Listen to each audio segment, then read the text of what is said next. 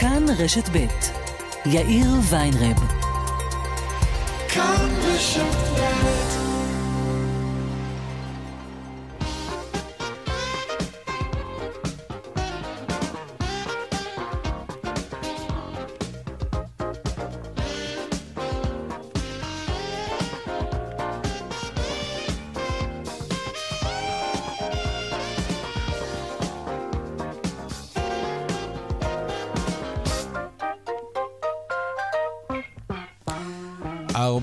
ושש דקות בדיוק, כאן צבע הכסף ברשת ב', העורך רונן פולק, מפיק צבע הכסף אביגל בשור, הטכנאי אלעד טרי, אני יאיר ויינרב, הדועל שלנו, כסף כרוכית כאן.org.il, אפשר ליצור קשר גם בדף הפייסבוק שלנו, כאן ב', בגלל האירועים הפוליטיים היום אנחנו ממהרים להתחיל, כדי שנספיק גם כלכלה, ליד כל העדכונים.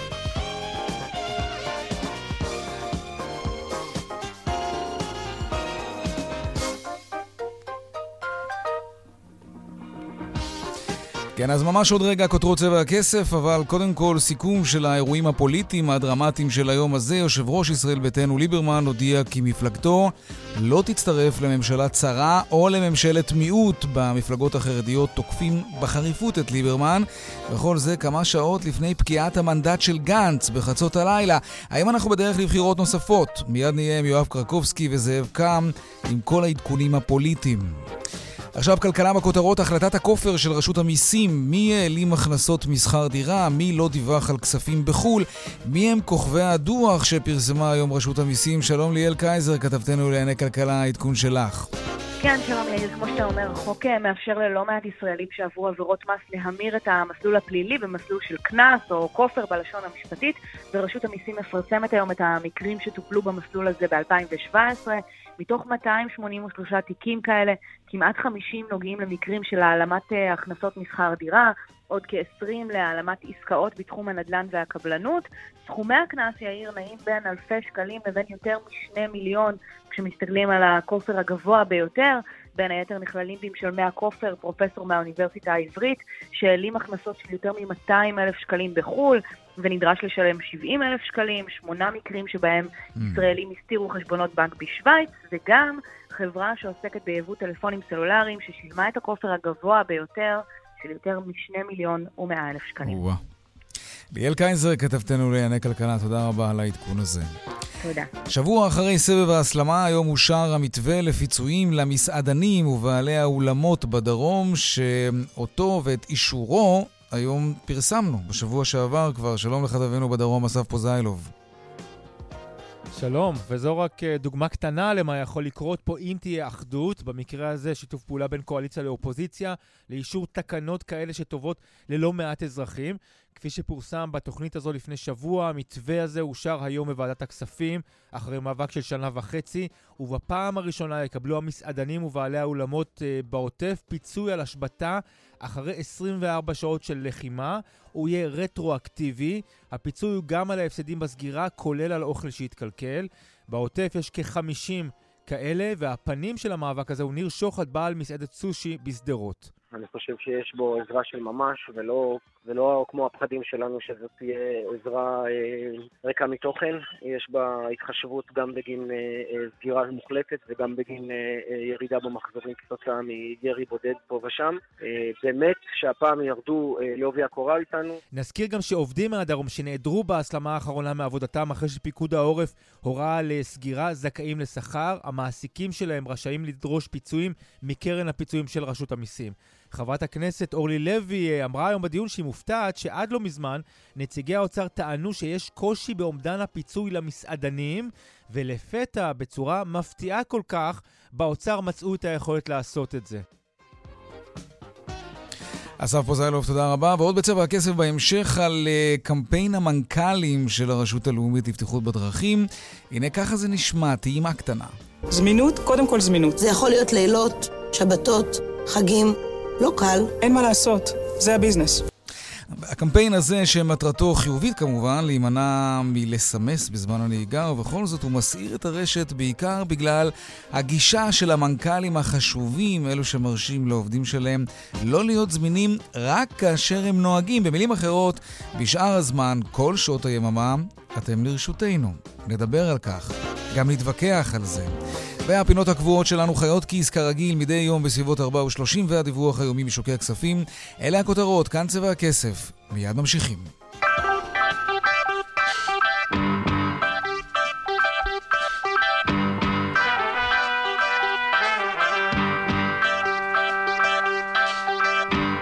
טוב, אז כאמור, לפני הכלכלה, הפוליטיקה, הצהרתו של יושב ראש ישראל ביתנו בצהריים מסעירה את המערכת הפוליטית. ליברמן סיפר שהוא קיבל הצעות מרחיקות לכת, עד חצי המלכות אפילו, אבל למרות זאת, הוא אמר לא.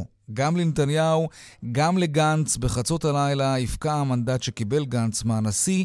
מה יקרה דקה אחרי, אם לא יצליח להקים ממשלה? שלום יואב קרקובסקי, ראש התחום הפוליטי שלנו. שלום אה, יאיר, אנחנו כאן אה, בקומת הממשלה, בכנסת, אה, שכנראה מתחילה את תהליך הפיזור שלה. ככה אפשר לראות את זה, נותרו לנו, נותר עוד זמן. נותרת עדיין האפשרות שאולי אה, בחירות אה, 2020 יימנעו, אבל אה, נכון לרגע זה היום התקדמנו לפחות עוד שניים שלושה צעדים אל תהום הבחירות אה, של אה, 2020 נוכח העובדה שהשיחות בין אה, בני גנץ לבין ראש הממשלה בנימין נתניהו אמש נכשלו ונוכח העובדה שאביגדור ליברמן החליט שלא לנקוט עמדה ולהאשים את שני הצדדים, שניהם גם בני גנץ, גם אה, ראש הממשלה בנימין נתניהו, אשמים באותה מידה בקבירת אה, היכולת להקים ממשלת אחדות לאומית נכון לרגע זה. ליברמן מחליט, אני לא הולך עם אף אחד מן הצדדים, למרות שקיבלתי הצעות מאוד מפתות משניהם.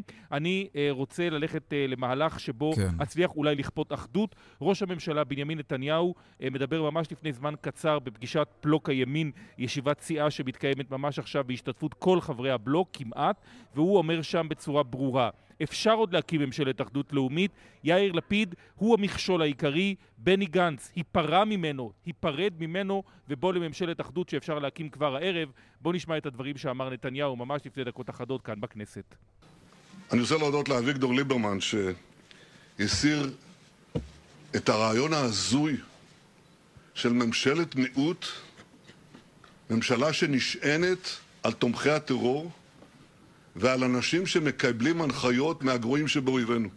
אבל אני רוצה גם להגיד לבני גנץ, עדיין לא מאוחר. בוא נשב יחד ונודיע עוד הערב שאנחנו מקימים ממשלת אחדות לאומית. זה מה שמדינת ישראל זקוקה לו. ואני קורא לך, בני גנץ, תשתחרר מהווטו של לפיד. תעשה סוף סוף את הדבר הנכון. בוא לממשלת אחדות. יואב, אתה נשאר איתנו, אנחנו מצרפים את זאב קם, כתבנו בכנסת. שלום. שלום, אה, יאיר. כן, אתה שומע את אה, נתניהו מדבר אה, יחסית בצורה מכובדת כלפי ליברמן. ליברמן פחות... חייב, עדיין, כן. כן, זו, הוא, אגב, גם אחר כך, כשאריה דרעי תקף בחריפות את ליברמן וטען שהוא האיש שבגללו אין ממשלת אחדות, נתניהו ככה ניסה להרגיע ולהגיד שבכל זאת יש אשמים אחרים, הוא הפנה את האצבע בעיקר ללפיד. כן. אבל צריך להגיד שליברמן עצמו, כשדיבר בישיבת הסיעה בצהריים, הוא פחות אה, הקפיד אה, בכבודו של נתניהו, אבל הוא חילק את האשמה שווה ושווה. הנה הדברים של ליברמן בישיבת הסיעה. אם אתם שואלים אותי מי אשם במצב הזה, אז שתי המפלגות ביחד. גם אה, כחול לבן וגם ליכוד. היו, היה משחק האשמות מרשים מצד שני הצדדים, אבל בסופו של דבר זה היה משחק האשמות. בלי נכונות באמת לקבל החלטות קשות, דרמטיות. והחרדים, זאב, לא נשארו חייבים כן, כמובן. כן, צריך להגיד, אנחנו שמענו עכשיו את הדברים שאמר אה, ליברמן על נתניהו ועל גנץ, אבל המשפטים שהוא אמר על המפלגות החרדיות, שהוא הגדיר אותם בעצם היום, אה, פעם ראשונה אולי אנטי-ציוניות, הוא שם אותם כמעט באותה מדרגה כמו שהוא שם את הרשימה המשותפת, זה אחרי זה מביא לתגובה אתה יודע מה, אני לא אגזים אם אני אגיד כמעט חסרת תקדים של גפני וליצמן מיהדות התורה בישיבת סיעה בהולה שהם מכנסים דקות לאחר מכן, במקום שאני אגיד, בוא ניתן לגפני להגיד. האיש כשל לחלוטין, הוא צריך לעזוב את המערכת הפוליטית. אנחנו לא זוכרים אנטישמיות כזאת בכנסת ישראל. אפילו לא מאחמד טיבי. לא שמענו מעולם דבר כזה שבו מדברים נגד לומדי תורה, נגד בחורי ישיבות, נגד הציבור החרדי. דיבורים שהם במדינה אחרת היה, האיש היה הולך לכלא. האיש הזה פשוט אנטישמי, אנטישמי ממש. האיש המושחת הזה יודע בכלל מה אנחנו עובדים? הוא בא להגיד לנו מה לעשות? או-אה, או-אה, זאב ויואב.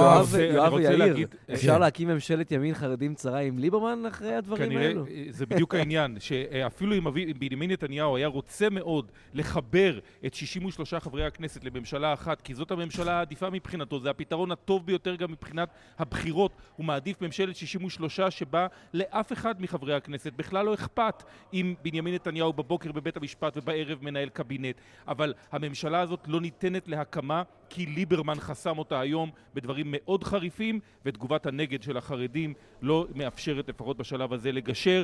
יותר קל יהיה אולי לגשר בין נתניהו, גנץ ולפיד מאשר בין ליברמן, גפני וליצמן. גם אתה, זאב, לא רואה סיכוי גבוה לטוויסט בעלילה בשעות הקרובות. לא, בשעות הקרובות לא יהיה כלום. אני חייב להגיד, ופה אנחנו צריכים גם בעניין הזה לתת איזושהי מכה על עצמנו, על, ה, אה, על החזה, כי אנחנו גם אה, שיתפנו פעולה עם הספין הזה של ממשלת המיעוט בתמיכת אה, הח"כים הערבים, בזמן שאנחנו יודעים שזה לא יכול לקרות, זה לא אמיתי, זה נטו נשק לצורכי משא ומתן. כן, אמר ליברמן שהוא עשה את זה לצורכי כן, הפעלת לחץ, לא יותר אני- מזה. אני, כן. אני לא לגמרי משתתף בהלקאה העצמית הזאת, כי טוב. מלכתחילה הוצגה, גם ב, לפחות בדיווחים שאנחנו נתנו, כנשק שנועד על מנת להלחיץ את נתניהו, לא על מנת להקים בממשלת, אה, ממשלה כזאת באופן אמיתי.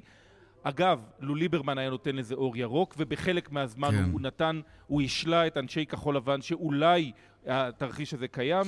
בני גנץ היה זורם עם זה ומקים את הממשלה, אם רק היו לו הכלים לעשות זאת. אולי. יואב, זאב, יואב קרקובסקי, זאב קם, תודה רבה. תודה רבה.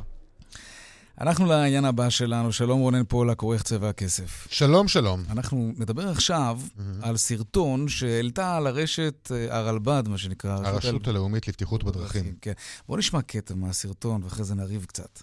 הציפיות שלי מהעובדים שלי הן כמו הציפיות שלי מעצמי.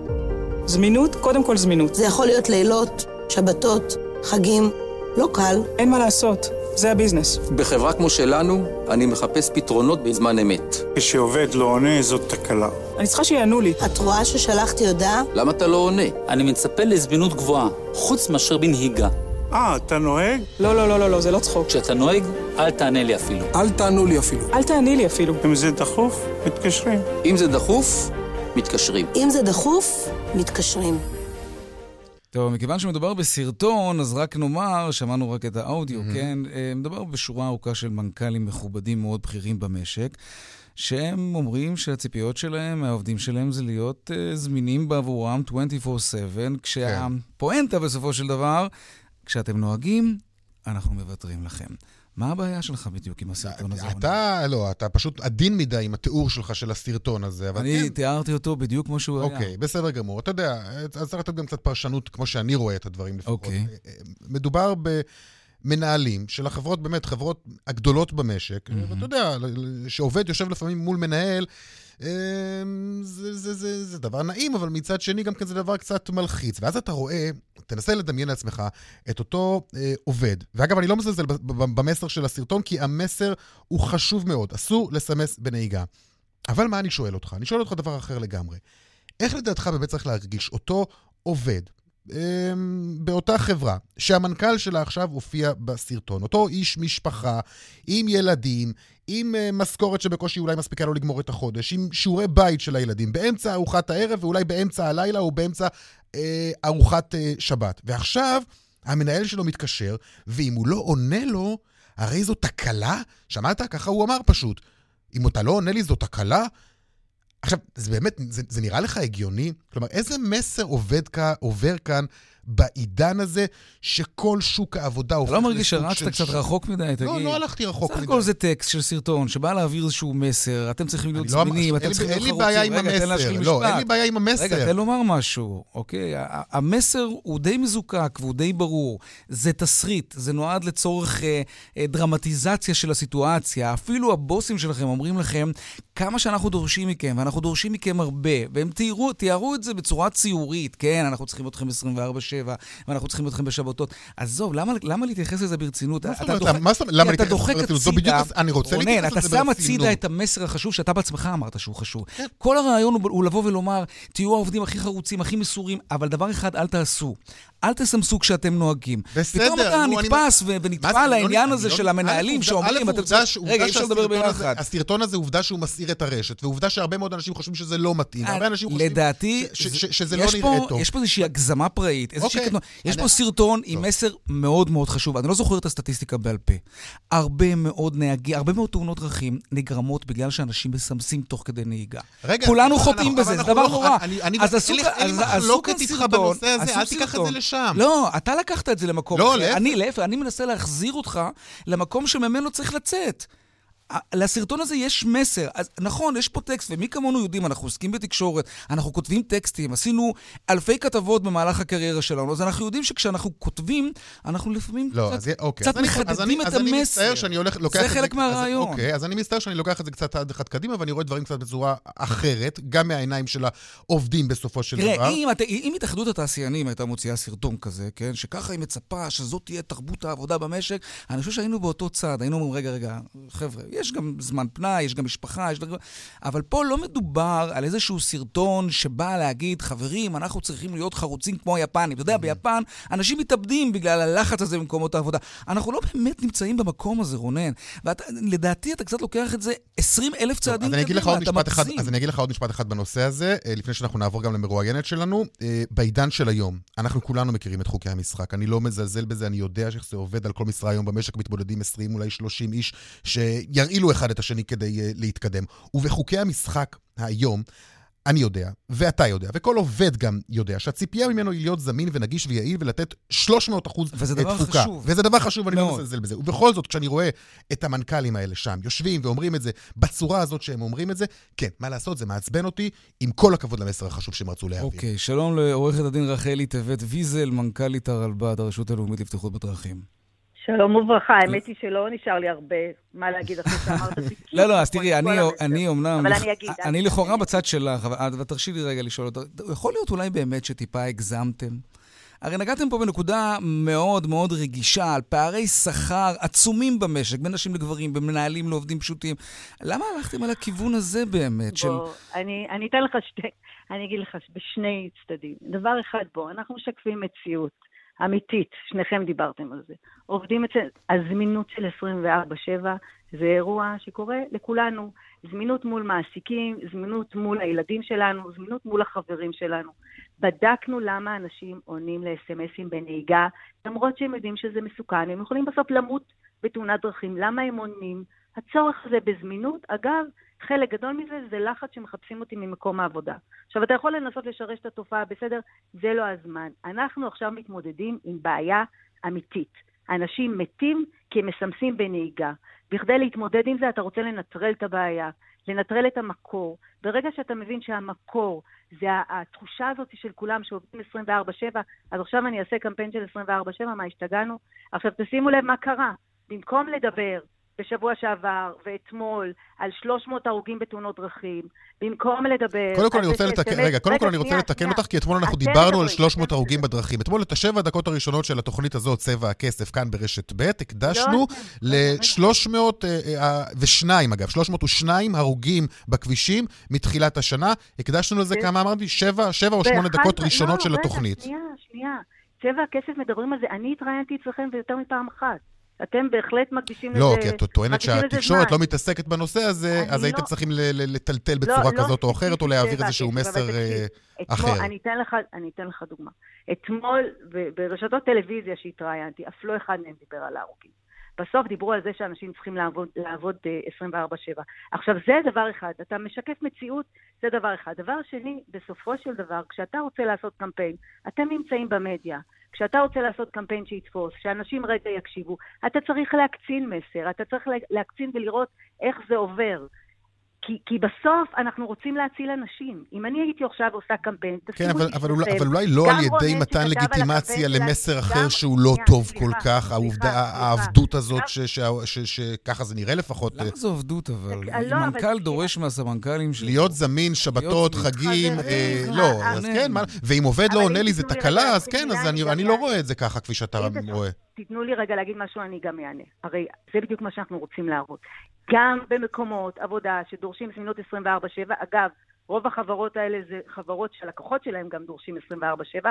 אתם גם תראו בימים הבאים את חברת המתנסים ואת מנכ"ל בית הנשיא ועוד מקומות אחרים שלא דורשים 24/7, וכל המנהלים באים ואומרים לא לענות למסרון, למסרונים בעבודה. אבל תראו, בסופו של דבר אנחנו מדברים על 24/7, קוראים לקמפיין שלנו, לפחות רונן, קמפיין מחליא, ואנחנו מדברים בסוף על 24/7 ולא על הפואנטה עצמה. זה קמפיין שנועד להציל חיי אדם, נקודה. ואם בגלל שהגענו לאיזשהו שיח ברשתות, כי זה הקפיץ אנשים, בצדק, על שיח שהוא אחר לגמרי, ששווה לנהל אותו. צפיתם את השיח. הזה? הצליח להקפיץ אנשים, זה מצוין, כי יש לו חשיפה מעולה. צפיתם את יותר השיח הזה? ויותר עכשיו אנשים מדברים על זה. סליחה? צפיתם את השיח הזה?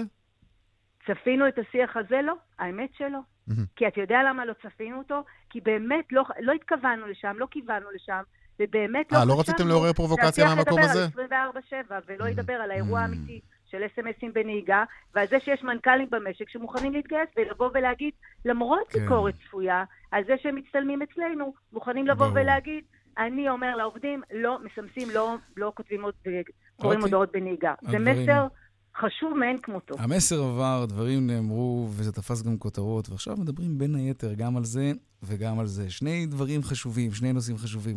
עורכת הדין רחלי אה, אם טבת תדברו על ויזל. שניהם זה מצוין. נכון, נדבר. אתם כן מדברים אנחנו על מדברים עוד שניהם, מעט על קריירה, ממש לא עוד מעט. נדמה לי עכשיו אפילו. עורכת הדין רחלי. טבת ויזל, מנכ"לית הרשות הלאומית לבטיחות בדרכים, תודה רבה. תודה לכם, ערב. רונן פולק, עורך צבע הכסף, היה לי לעונג, תודה. תודה. טוב, נמשיך לדבר על קריירה, אני חושב. אמ, כמה זמן אתם נשארים באותו מקום עבודה? האם אתם האלה שאוהבים לקבל קביעות בגיל 25 ולפרוש לפנסיה מאותו המקום בדיוק אחרי 50 שנה בערך? או אולי אתם מעדיפים לדלג בכל 3-4 שנים ממקום אחד למקום אחר. נתונים של הלשכה המרכזית לסטטיסטיקה מלמדים ש-66% מהשכירים שעזבו את מקום העבודה שלהם בעשר השנים האחרונות, עשו את זה לגמרי מהרצון החופשי שלהם, מרצונם. ככל שאתם מבוגרים יותר, אתם לא עושים את זה, אתם מעדיפים יציבות. זה הגיוני. שלום יעל פרימק, מנהלת תחום הקריירה ב-all jobs. שלום. מה דעתך אגב, טובים. רגע, לפני זה, מה דעתך אגב על האייטם הקודם שלנו? מה את אומרת? הפכנו לשוק עבדים באמת? קצת, אה, הסרטון הוא ציני בעינייך?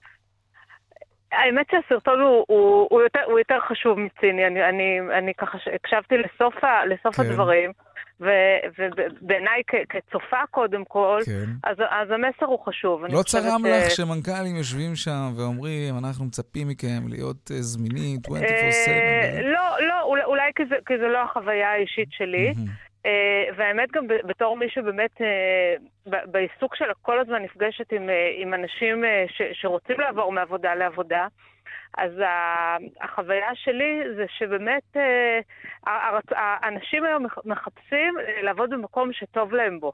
נכון. אה, ו- ומישהו ש, ש, שלא טוב לו לעבוד אה, טוב מישהו 24/7 מישהו שדורשים זה- ממנו לענות בשבת על אס.אם.אסים, אז הוא יבחר משרה אחרת, הוא- אם זה לא מתאים לו. הוא- כן. בדיוק, הוא- הוא- רוב- האנשים יקומו ויעזבו אם זה- אם זה לא מתאים להם. יש אנשים שאגב אוהבים את זה, שלי. אני חושב, את יודעת? יש- אני אני גם מכיר חושבת. כמה שאוהבים את האקשן הזה, שהם צריכים להיות זמינים כל הזמן. זה יכול להיות שזה טוב כן, בפרק ש- מסוים בחיים, לא?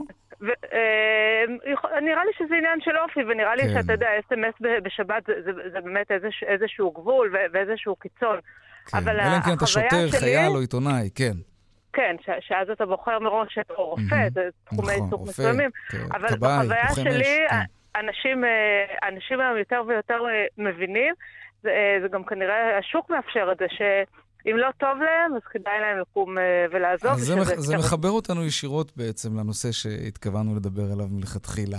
תראי, אני חייב להגיד לך, אני גדלתי בשנות ה-80, וגדלתי בתפיסה כזאת, ולא רק אני, גם החברים שלנו, שקביעות זה הדבר הכי טוב בעולם. אני זוכר את ההורים נכון. שלי. שגם הם עבדו כל החיים באותו מקום, היו אומרים לי, אתה תגדל, אתה תתפוס איזשהו ג'וב בחברת חשמל, זה היה כזה סמל, ויהיה לך קביעות, וזה כבר לא ככה היום, נכון? לאנשים יש, יש יותר אומץ לבוא ולהגיד, לא טוב לי, אני קם והולך, וזה לא משנה לי שאני יכול להישאר כאן עד הפנסיה. נכון, נכון. זה, זה, זה, זה באמת הח, החוויה, החוויה שלי מה, מהמפגש שלי באמת עם, עם הרבה מאוד אנשים ש, שמחפשים עבודה. אה, זה, זה שאנשים, אה, לא טוב להם, הם, הם קמים והולכים. עם זאת, אני חייבת להגיד שהנתונים שה, של הלמ"ס, אה, הם מראים שבסך הכל הישראלים מעל גיל 30 כן שואפים לאיזושהי קביעות בחיים. Mm-hmm. זאת אומרת, אותי קצת הפתיע לקרוא ש...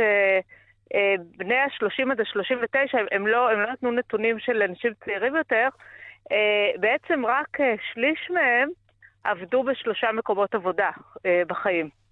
אני, אני חשבתי שזה יהיה יותר. mm-hmm. זה אנשים צעירים. Okay. אוקיי. וזה כמובן יורד, בני 40 עד 49, רק 16 אחוז עבדו בשלושה מקומות עבודה, ואנשים מעל גיל 50, אה, רק 11 אחוז. כן, אה, זה די מדהים. אני מעריכה גם ש- שאולי ההתייחסות פה של, ה- של העונים הייתה למקומות עבודה קבועים ולא מקומות עבודה סטודנטיאליים, אה, או, תוך כדי, או, או תוך כדי לימודים, mm-hmm. שאולי אותם הם... אה, השמיטו ככה מהתודעה. בוא, בוא ניגע רגע ב, ב, בסיבות. למה אנשים מנטרים ממקום עבודה אחד לאחר? זה, זה, זה השעמום, זה הקוצים בישבן, זה חוסר הנאמנות אולי של עובדים למקום העבודה, כי העבודה הוא אמצעי בסך הכל ולא החיים עצמם. מאיפה זה בא? למה זה מגיע?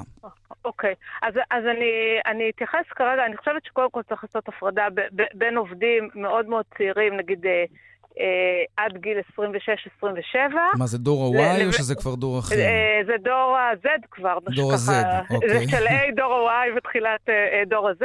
אוקיי. אבל, זה גם הסיטואציה בחיים, שעדיין אין משפחה, וככה המחויבויות הן אחרות. כן, אז אוקיי. בואו נדבר רגע על אנשים מעל גיל, מעל גיל 27.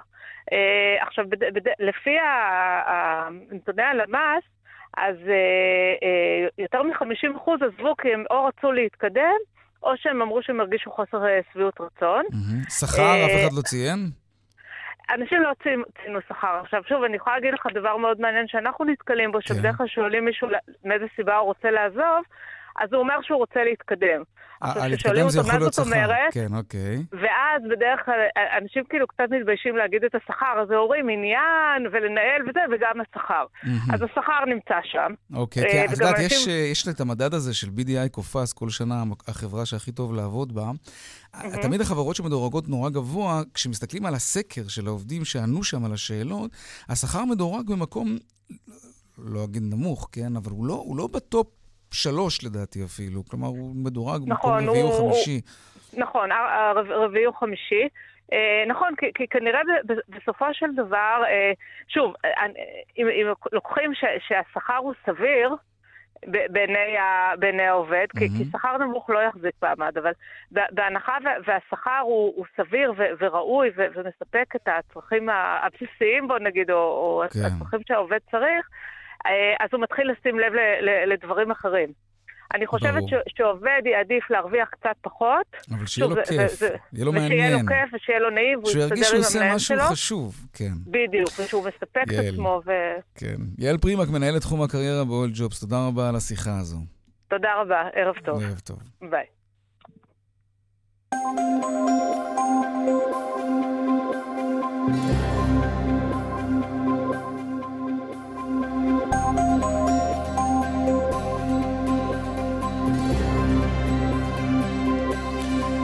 בערך 70 צפונה עמוסה ממחלף סומך עד uh, צומת אבליים, דרומה מג'דיידה מכר עד uh, צומת יאסיף, גם שם יש עומסי תנועה. באיילון צפונה עמוס ממבוא איילון עד קוממיות, וממחלף חולון וקיבוץ גלויות עד קרן קיימת. דרומה יש עומס ממחלף קרן קיימת עד מחלף לגוארדיה. דיווחים נוספים בכאן מוקד התנועה, כוכבי 9550, ובאתר שלנו, אתר התאגיד, אתר כאן פרסומות, ומיד חוזרים עם חיות כיס.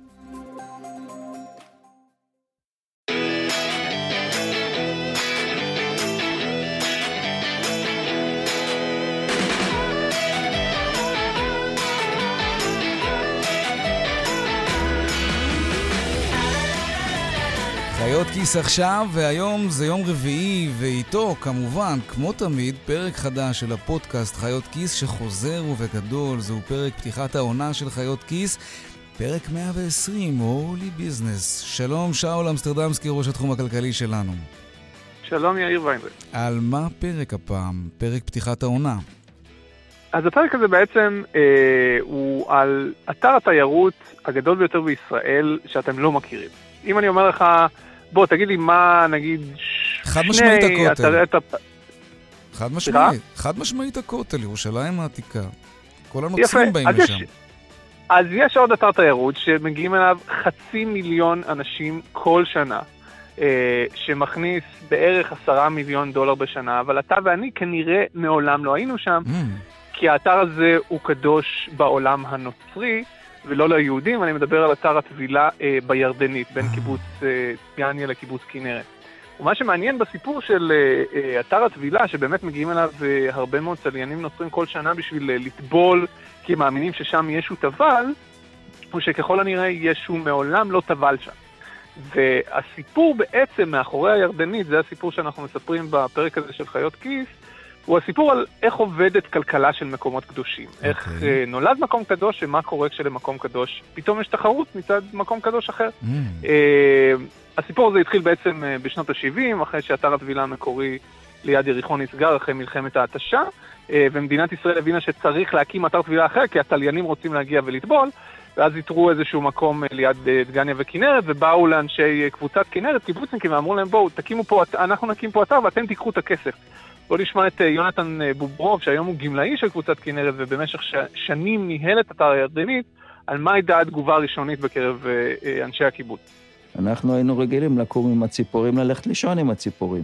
עכשיו אומרים לך, לא, יש סיפור אחר, ואתה צריך למשש כסף ביד ולשים בקופה. וואלה, זה בכלל, אנחנו כסף? מה פתאום? אנחנו רק מהדר וטוריה. מה זה הסיפור הזה? משעשע קצת, שאול. כן, זו הייתה התגובה של הקיבוצניקים שנפלו נפלו בהתחלה. עליהם בוכטות, כן. בדיוק, הם לא רצו את זה, אבל הרי בוא נגיד שזרמו הרבה מים בירדן מאז, והיום אה, האתר הזה באמת אה, מגלגל הרבה מאוד.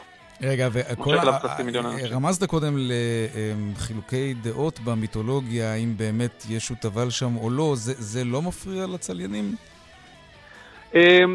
אז האמת שהיום מה שהירדנית בעצם מנסה לעשות זה להגיד, תקשיבו, אנחנו לא ניכנס לכל העניין הזה של איפה הוא באמת טבל, ואם זה באמת קדוש או לא, כי הם מציעים חוויית קדושה. הם מציעים נוחות, הם מציעים הרבה מרצ'נדייז, הם מציעים אה, מים מקום? מוטל וקריר ונעים, בקבוקי מים, הם מציעים אפילו דג שאולי ישו אכל פעם. אה, בעוד שבאתר הטבילה ליד יריחון, לא יודע אם יצא לך להיות שם, קסר אל יהוד, החוויה שונה לחלוטין, הרבה יותר ספרטנית, ויש הרבה צליינים שזה פשוט לא מתאים להם. וזהו הפרק החדש שפותח את העונה של חיות כיס, הוא כבר נמצא באוויר, נכון? על הרשת. אכן כן, זה זמין להאזנה בכל אפליקציות פודקאסטים ובאתר כאן. כן, הכי טוב באתר כאן. כל הפודקאסטים שלכם נמצאים שם, המעולים והמשובחים, וברכות על הפרס, לא הספקנו לומר לך. תודה רבה. להתראות, שאול. ביי.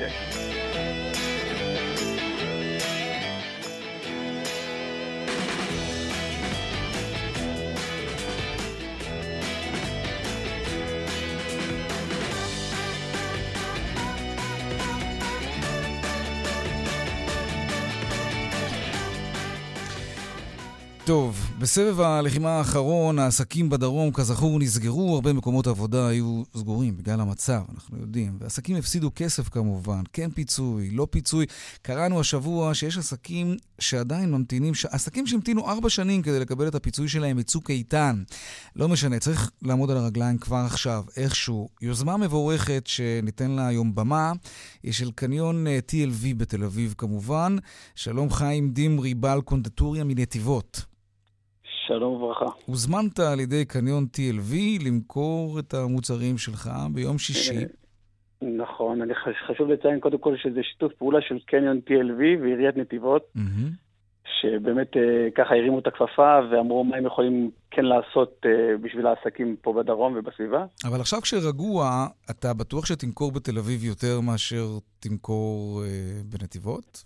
אני לא? יודע, אבל מה שכן, ברגע שעם מיזם כזה שהם הרימו ולבוא ולפרגן לתושבי הדרום, מספיק שאנחנו נבוא לשם ואנחנו נכניס עוד כמה שקלים ואיך אומרים, נכסה את חלק מההוצאות הגדולות שהיו לנו שבוע שעבר, אני חושב שזה משהו שיכול לא, זה מבורך וזה יפה, ובגלל זה אנחנו גם נותנים לזה במה. אבל כן. בוא, ספר לנו קצת באמת מה היה בשבוע שעבר, כמה ימים היית סגור, כמה כסף הפסדת בגלל המצב. אה, קודם כל שלושה ימים היינו סגורים, שלישי, רביעי, חמישי. שגם יום חמישי אחרי שחזרנו לעבוד, לעבודה, פתאום הייתה, היה אזעקת צבע אדום, ואז כן. אתה יודע, חלק מהעובדים גם הלכו הביתה. אה, יש פה הפסד כספי, כאילו, קודם כל הפסד כספי ממשי, כי קודם כל אתה לא מוכר שלושה ימים. ברור. כאילו, יש לך סחורה שמתקלקלת, שהולכת, אה, שאתה, אין לך מה לעשות איתה אחר כך, זה אחד. שתיים, אה, אתה מפסיד עוד משהו, כי גם כן אם נגמר הסבב של הלחימה והכל, אז אה, אל תשכח שאנחנו גם לא ייצרנו שלישי, רביעי, חמישי, אז לא היה לנו גם מה למכור ביום שישי. אז כאילו בסביבות, בשעה, בסביבות השעה 12 כבר לא נשאר לנו מה למכור, אתה יודע, כי זה, זה הדברים הספציפיים שזה מה שנשאר, כן. וזה מה שמכרנו. וגם אנשים אה, מבחוץ לא מגיעים. לנתיבות בתקופה כזאת, פחות. זה בכלל לא מגיעים. כן, אני מתאר לעצמי. לא. אתה יודע, אני, לא- אני לא יודע אם אתה יודע, אבל תכף אנחנו נדבר עם מנכ"ל הקניון. אה, בכלל, המצב של הקניונים בארץ בתקופה האחרונה, בשנים האחרונות, בין היתר בגלל האונליין, הוא, הוא לא מהמשופרים. ואני מנסה לדמיין סיטואציה שאתה מגיע לקניון TLV ולידך יש את הקונדטוריה המקומית, ואתה תראה שכולם באים אליך. איך תרגיש כשהקונדטוריה המקומית ריקה? אתה תשתתף איתו אה, ברווחים? קודם, קודם, קודם כל אני הייתי שמח ל- להתחלק איתה ברווחים אם היה, אבל אה, אני חושב שהקניון יכול לחלק את זה בצורה נכונה, שהוא לא ישים אותי מול הדלת שלו, ישים אותי במקום קצת שונה. עכשיו, כל העניין של הקמפיין הזה, שכן למשוך את האנשים, פשוט תבואו ותקנו ותעודדו. עכשיו, גם אנשים שלא, בדרך, שלא הולכים בדרך כלל לקניון וקונים את הדברים האלו, הם יבואו, אה, יבואו, כן, כן ייכנסו לקניון וכן יבואו לקנות. אני חושב שיש פה עניין גם של אה, win-win situation, כי שברגע שהקניון עצמו יביא את האוכלוסייה, אנשים יגיעו ויקנו וזה, אני חושב שזה יעודד קנייה אחרת בתוך הקניון עצמו. אז, אה, טוב, מה תביא ביום שישי, שנדע, מהקונדטוריה שלך? אנחנו נביא מבחר דברים טובים, כל מיני. קינוחים פריזאיים, אה, פסים של עוגות חלביות, קינוחים אישיים, אה, מאפים מטורפים על בסיס פטיסייר וכל מיני דברים כאלו ואחרים. יהיה מבחר די גדול. פשוט תבואו ותקנו, תפרגנו לתושבי הדרום, יהיה המון המון אה, עסקים ש... מהאזור שלנו, גם של אוכל וגם של יצירות ודברים כאלו. כן. ואנחנו נ- יותר מנשמח לראות את כולם ככה באמת אה, מעודדים ומפרגנים כמו בשנים הקודמות. כן, ולמען האמת, יש במפגן סולידריות הזאת, מעבר לעניין העסקי, יש בזה משהו נורא יפה. צריך לומר, לפעמים גם לפרגן.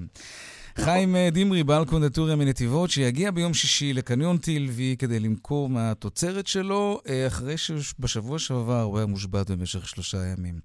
תודה, חיים. תודה רבה לכם. בהצלחה. תודה. כל- ושלום אה, אורי אה, אבל, מנכ"ל קניון TLV. שלום, ערב טוב. מי עוד? שלומכם? בסדר גמור, תודה. ברכות על כן. היוזמה הבאמת המבורכת. מה, מה. מי עוד יבוא חוץ מחיים דמרי והקונדטוריה שלו? אז זהו, אני שמעתי את הרעיון המקסים עם חיים, ורציתי להוסיף באמת, אה, מי שזוכר ביום שלישי שעבר, אה, גם גוש דן אה, הושבת למחצית היום. ובעצם גם אנחנו, מי שהסתובב בסיטי בסיטי של, של תל אביב, סביב הקניון, הרגיש כמה הרחובות היו ריקים, וגם עסקים בתל אביב התרוקנו באותו יום. אוקיי. ובמקום הזה, בתוך איזשהו מקום של הזדהות, אמרנו, חבר'ה, בואו ננסה להזדהות ולעזור לתושבים בדרום, והיוזמה הזאת הגיעה. ולכן, חוץ מחיים ועוד אה, בעלי עסקי מזון שמצטרפים בעצם ליריד אוכל קבוע שיש לנו בימי שישי בקניון, הוספנו עוד קציצות טוניסאיות, ואפילו חברים עם דימסם מאשקלון Mm. וכולי וכולי. יפה. אה, לא התרכזנו רק בנתיבות, אלא כבר היו לנו אלא קריאות גם מכיוון בערים אשקלון נוספות. וכאלה, ואמרנו בואו בוא נרים את הכפפה, ואם תרצה אני גם אתייחס לנושא התחרות שדיברתם קודם, אבל פרט לנושא האוכל, אה, צירפנו מתחם מאוד גדול של אומנים ויוצרים. אה, שקשורים? בכלל לתחום. כן, כן, מאותו מקום, הנתיבות, אה, אנשים כמו גיא קרישנר עם אה, מוצרי גיימינג רטרו, יפה. עבודות יד של טלאים, עיצוב על קרמיקה, יצירות של ילד מקסים בשם עינב, שהוא ילד- עם איזשהו אוטיזם והוא מצייר על כל מיני מוצרים. זאת אומרת, אמרנו בואו ניתן במה לאומנים ויוצרים מאזור הדרום, כדי שאנחנו נראה להראות איזושהי הזדהות וסולידריות גם של זה תושבי יפה, גוש דן. זה יפה מאוד וזה מקסים, אבל אני רוצה לשאול אותך, הזכרת קודם את התחרות, כן. לצערי...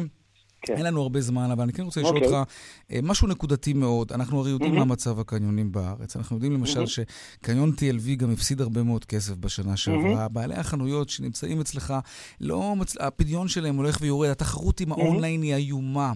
נכון. אז, ואתה בכל זאת בוחר לחזק עסקים שנמצאים רחוק ממך. איפה עניי עיר- עירך במקרה הזה? אני צריך לשאול, ומה מה אומרים בעלי עסקים שנמצאים אצלך בקניון? מה אתה מביא עלינו מתחרים עכשיו? אוקיי, אז א', השאלה היא לגמרי לגיטימית. בואו נדבר רגע על מצב הקניונים בלי להרחיב יותר מדי. אז עוד פעם, מצב הקניונים בארץ, או בכלל בעולם, אנחנו מכירים אותו, וכשיש איזשהו עומס אוכלוסין מסוים ואין גידול באוכלוסין כמו גידול שטחי המסחר, אז מה שנקרא, העוגה צריכה להתחלק אה, קצת אחרת. אה, ולכל קניון יש את הקצב שלו, ואני חייב לומר שבתור אחד שכבר 18 שנים בענף הקניונים, ה-TLV לא חריג בקצב הגידול שלו, נהפוך הוא, אני חושב שבשנה האחרונה הקניון הזה הולך ומתחזק. יכול להיות שלא בקצב שצפו בו לא אנש, בעלי עסקים מיום הקמתו, אבל עדיין יש פה גידול ועלייה אה, חודש בחודשו, ואנחנו מאמינים מאוד בקניון ובמקומו אה, בעוד שנה, שנתיים, כקניון המרכזי בתל אביב, ולכן אנחנו לא רק שלא מצמצמים ולא מורידים פעילות, אנחנו נותנים גז אה, ודוחפים אותו יותר חזק בקהילה. עוד פעם, כל נושא הרווחיות של הקניונים הוא נושא רחב שנגזר גם מהרווח הגולמי של הרשתות, וגם האונליין, כמו שאתה אומר, גם מדיניות השמיים הפתוחים, שאנשים טסים לחו"ל וחוזרים עם שקיות של בגדים, שאני אומר לך שבעצם את כל המותגים שמביאים מספרד, יש להם גם אצלי בקניון, ודרך אגב, לפעמים המוצרים אצלי יותר זולים מאשר בספרד, שזה, שזה קטע. אבל אנחנו, בכל אופן, בנושא התחרות, או בנושא מה ששאלת על הסוחרים, א', אני בטוח שכל הסוחרים שמחים שאנחנו מאמצים ומראים איזושהי סולידריות. וב', אני אגיד לך את זה נגיד מתחום אחר, יש לי גם חנות של אדידס וגם חנות של נייקי. אז אם מחר הבוקר יבואו פומה, אז אני לא אכניס גם את פומה. זאת אומרת, אני בעצם נותן ללקוח אפשרות כן. לבחור מהמותגים שהוא רוצה. אני מאוד מקווה שהדבר הזה לא יפגע בעסקים המקומיים, להפך, אנחנו בחרנו לחזק, אה, ראיינת את חיים, אבל בחרנו כן. לחזק גם בדברים שאין לי בשוטף. תחרות- תחרות יכולה להיות טובה. לכולם, כן. בדיוק, ואנחנו באים. למקום טוב אה, ולתת את זה באהבה ולהחזיר לקהילה כמו שאנחנו מרוויחים לקהילה. אז יופי. אני באמת שמח להזמין אתכם ותבואו ותהנו. תודה. ואני חושב שזה דווקא סך הכל חשוב מאוד להראות לחברים מהדרום שהם חד משמעית כן. חלק מאיתנו. זה, זה כל המטרה. אורי. אורי אבל, מנכ"ל קניון תודה. TLV בתל אביב, תודה רבה. תודה, ערב טוב. ערב טוב. בדרך 65 מזרחה עמוס ממחלף עירון עד ערה בירושלים, בכביש בגין דרומה, עומס כבד ממחלף בן ציון עד מנהרת אה, ליפתא בגלל תאונת דרכים, סעו בזהירות. דיווחים נוספים בכאן מוקד התנועה הכוכבי 9550 ובאתר שלנו, אתר התאגיד, אתר כאן פרסומות ומיד חוזרים עם עוד צבע הכסף. שבע דקות לפני השעה חמש, מול קריית הממשלה בתל אביב מפגינים עכשיו עשרות חקלאים ובני המשפחות שלהם בעקבות החרם הפלסטיני על סחורות חקלאיות מישראל. שלום רן דה לוי, מגדל עגלים ממחולה, שלום טוב. לך. ערב טוב, שלום, שלום. כן, ספר לנו קצת עד כמה החרם הזה פוגע, ואתם מפגינים שם כדי שמי ישמע אתכם ומה הממשלה יכולה לעשות נגד זה. אנחנו מפגינים כדי שממשלת ישראל אה, תקבל החלטה לגמור את המשבר הזה, ויש לה הרבה מאוד מה לעשות. בחודשיים וחצי האחרונים הרשות הפלסטינית אוסרת מעבר של סחורה חקלאית של בקר ישראלי לשטחים. מאות משפחות שמתפרנסות מזה כרגע תקועות עם אה, בקר במשקים. אין לנו למי למכור אותו, וזה מגיע ממש למצב של אה, מאות משפחות בסכנה של פשיטת רגל. והטענה, הבקשה שלנו היא פשוטה. ממשלת ישראל צריכה להתעקש על הדדיות מול הרשות הפלסטינאית במסחר. זה דבר הגיוני ומקובל. כלומר, הם לא לא- קונים מאיתנו, אנחנו לא נקנה מהם. בדיוק, כי האבסורד הוא שכרגע הם יכולים להעביר תוצרת חקלאית, פירות, ירקות, גם אבני מחצב, עוברים חופשי מהגדה וגם מרצועת עזה לישראל, ולנו, החקלאים הישראלים, אסור להעביר. ואנחנו בסך הכל מבקשים הדדיות. אנחנו אם לנו אסור, גם להם אסור. בנושא הזה ועוד נמשיך לעסוק, אבל לצערנו זמננו קצר ותם. הספקנו לפחות לשמוע קולות מההפגנה. רן דה לוי, מגדל עגלים ממחולה, תודה רבה. תודה לכם, ערב טוב. ערב טוב. עכשיו לעדכון היומי משוקי הכספים. 102 bid 400, 200, take them. שלום אילן בוחבוט, מנהל אה, דסק אגרות חוב ביחידת המחקר בבנק הפועלים. שלום רב, ערב טוב. נכון לשעה זו, מתאפיין יום המסחר בבורסה בתל אביב בירידות שערים קלות. מדד תל אביב 125 רושם ירידה של כ-4 עשיריות האחוז, ומדד תל אביב 35 רושם אף הוא ירידה של כחצי האחוז. מחזורי המסחר בהיקף נמוך ונעים סביב 820 מיליון שקלים. אה, מניות החברות פז נפט וויקטורי בולטות בירידות של כ-4% וכ-3.5% בהתאמה, ומנגד בולטת אה, לשלילה מניית טבע שיורדת כ-3.5%. שוק איגרות החוב מתאפיין ביציבות ונמצא בהמתנה להחלטת הריבית של נגיד בנק ישראל ביום כן. שני הקרוב. אילן בוחבוט. תם זמננו לצערנו, תודה רבה. תודה וערב טוב. עד כאן צבע הכסף אה, ליום רביעי. העורך רונן פולק, מפיק צבע הכסף אביגל בשור, הטכנאי אלה טרי, הצוות בבאר שבע, אורית שולץ ושמעון דוקרקר במוקד התנועה, חגית אלחייני בדיגיטל, אני כהן הדואל שלנו כסף כרוכית kan.org.il, אני יאיר ויינרב, מיד אחרינו כאן הערב, עם רן בנימיני ויגאל גואטה, ערב טוב ושקט, שיהיה לנו שלום שלום.